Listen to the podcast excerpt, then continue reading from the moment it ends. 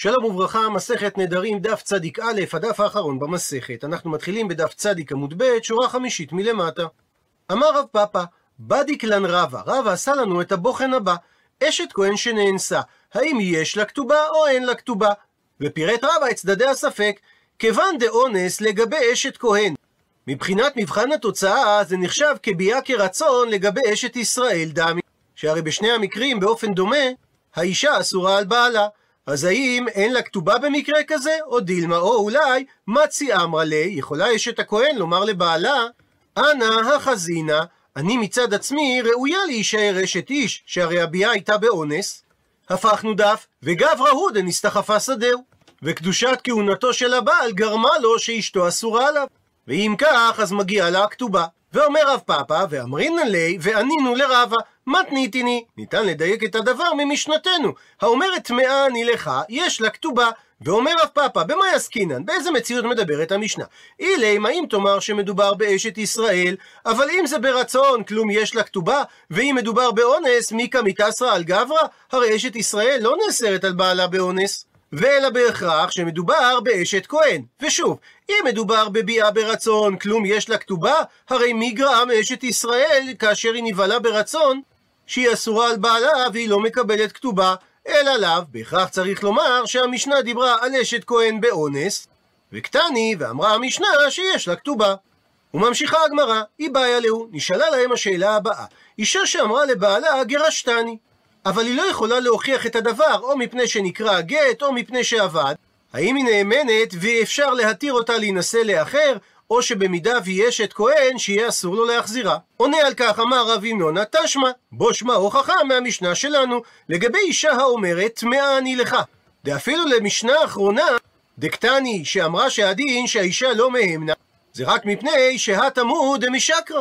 ששם קיים החשש שמא היא משקרת לבעלה, מפני דידעה דבעלה לא ידע בה. שהרי היא יודעת שהבעל לא יכול לדעת אם היא זינתה או לא, ולכן היא יכולה לשקר והיא לא פוחדת. אבל גבי הטענה של גרשתני, דידע בה שהרי הבעל יודע אם הוא גירש אותה או לא, ולכן מהמנה, נאמין לה, דחזקה שאין אישה מעיזה פניה בפני בעלה. אמר לי רבא, לרב המנונה, אדרבה, בדיוק להפך, אפילו למשנה ראשונה דקטני.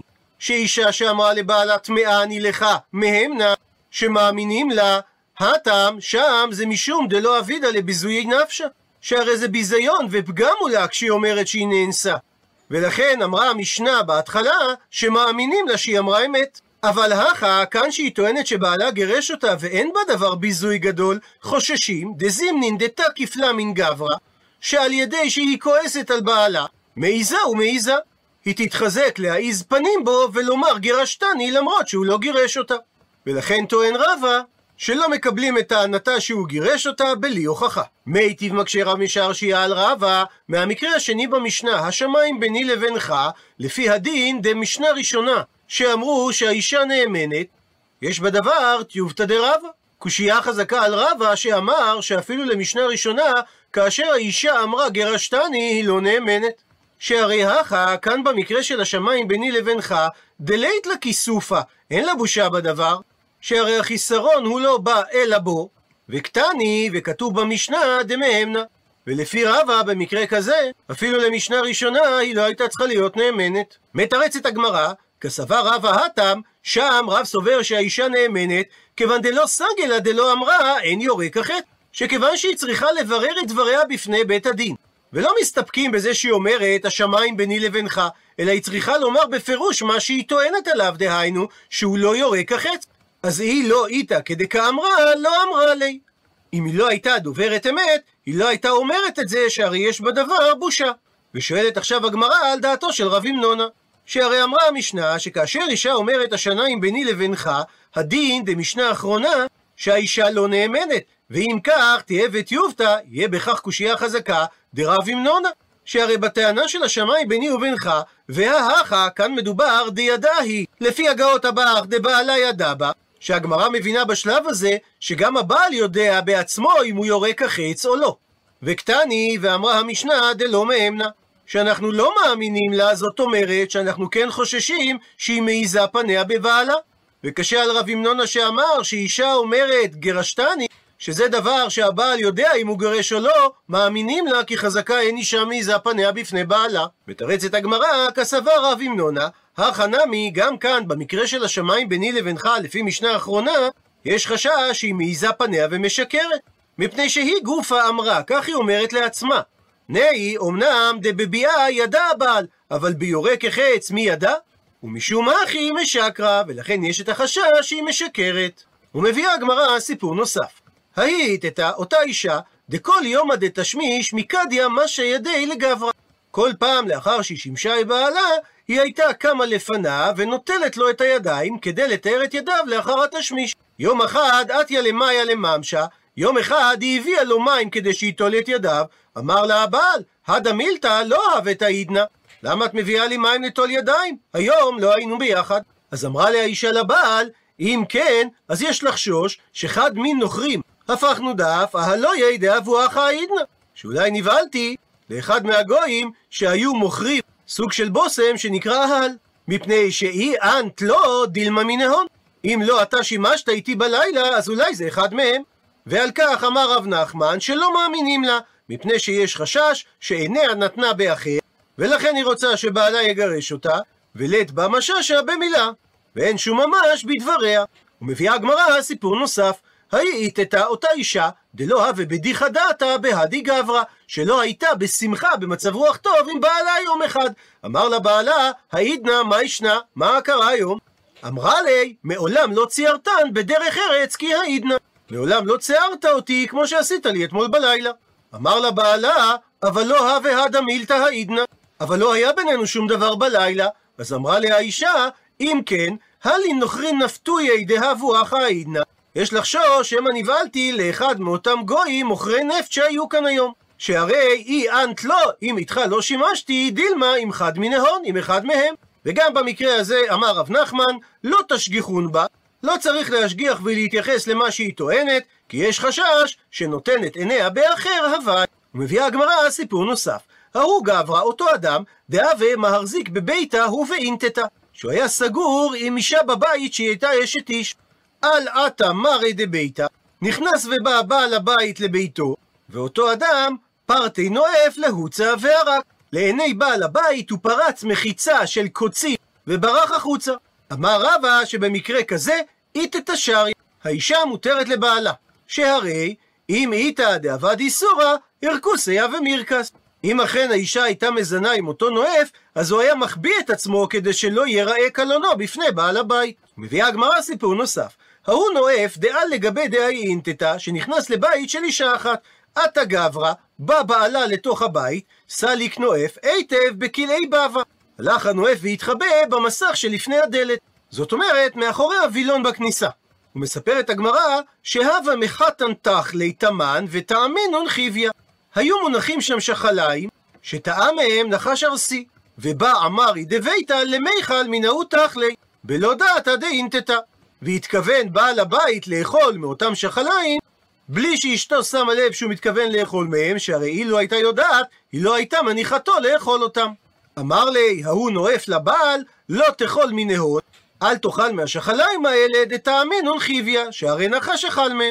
ועל כך אמר רבא, איתתי שעריה, אשתו של אותו אדם מותרת לו, שהרי אם איתי דאבד איסורא, אם הנואף היה עובר איתה איסור, אז ניחא לי לנואף דליכול בעל הבית ולימות.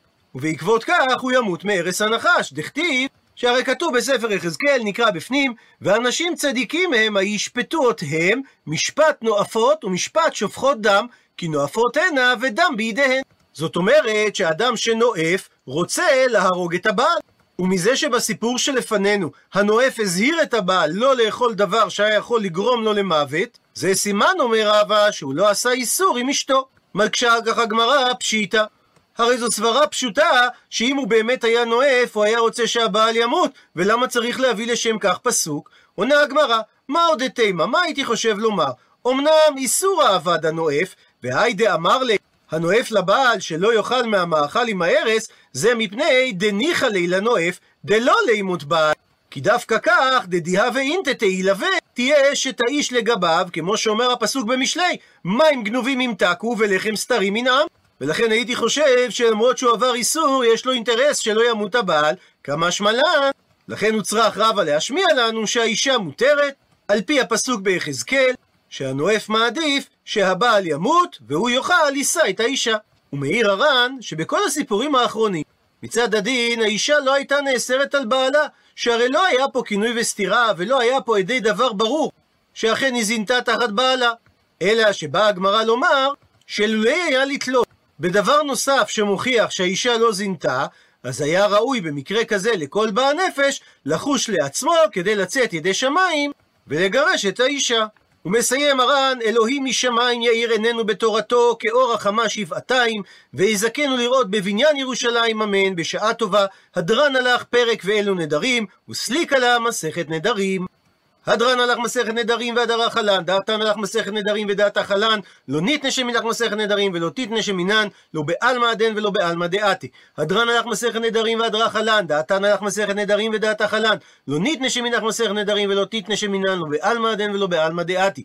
הדרן הלך מסכת נדרים והדרה חלן, דעתן הלך מסכת נדרים ודעתה חלן, לא ניתנה שמילך מסכת נדרים ולא תיתנה שמינן, לא בעלמא הדן ולא בעלמא דעתי. יהי רצון מלפניך אדוני אלינו ולאבותינו שתהא תורתך אומנותינו בעולם הזה, ותהא עמנו לעולם הבא. חנינא בר פפא, רמי בר פפא, נחמן בר פפא, אחי בר פפא, אבא מרי בר פפא, רפרם בר פפא, רכיש בר פפא, סורחב בר פפא, עדה בר פפא, דרו בר פפא. הערב נא אדוני אלוהינו את דברי תורתך בפינו, בפי עמך בית ישראל, ונהיה אנחנו וצאצאינו וצאצאי צאצאינו, וצאצאי עמך בית ישראל, כולנו יודעי שמך ולומדי תורתך לשמה, מאויבי תחכמני מצוותיך כי לעולם היא לי, יהי לבי תמים בחוקיך למען לא אבוש, לעולם לא אשכח פיקודיך כי איתני, ברוך אתה אדוני למדני חוקיך, אמן אמן אמן סלע ועד. מודים אנחנו לפניך, אדוני אלוהינו ולאבותינו, ששמת חלקנו מיושבי בית המדרש ולא שמת חלקנו מיושבי קרנות, שאנו משכימים והם משכימים, אנו משכימים דברי תורה והם משכימים דברים בטלים, אנו עמלים והם עמלים, אנו עמלים ומקבלים שכר, והם עמלים ואינם מקבלים שכר.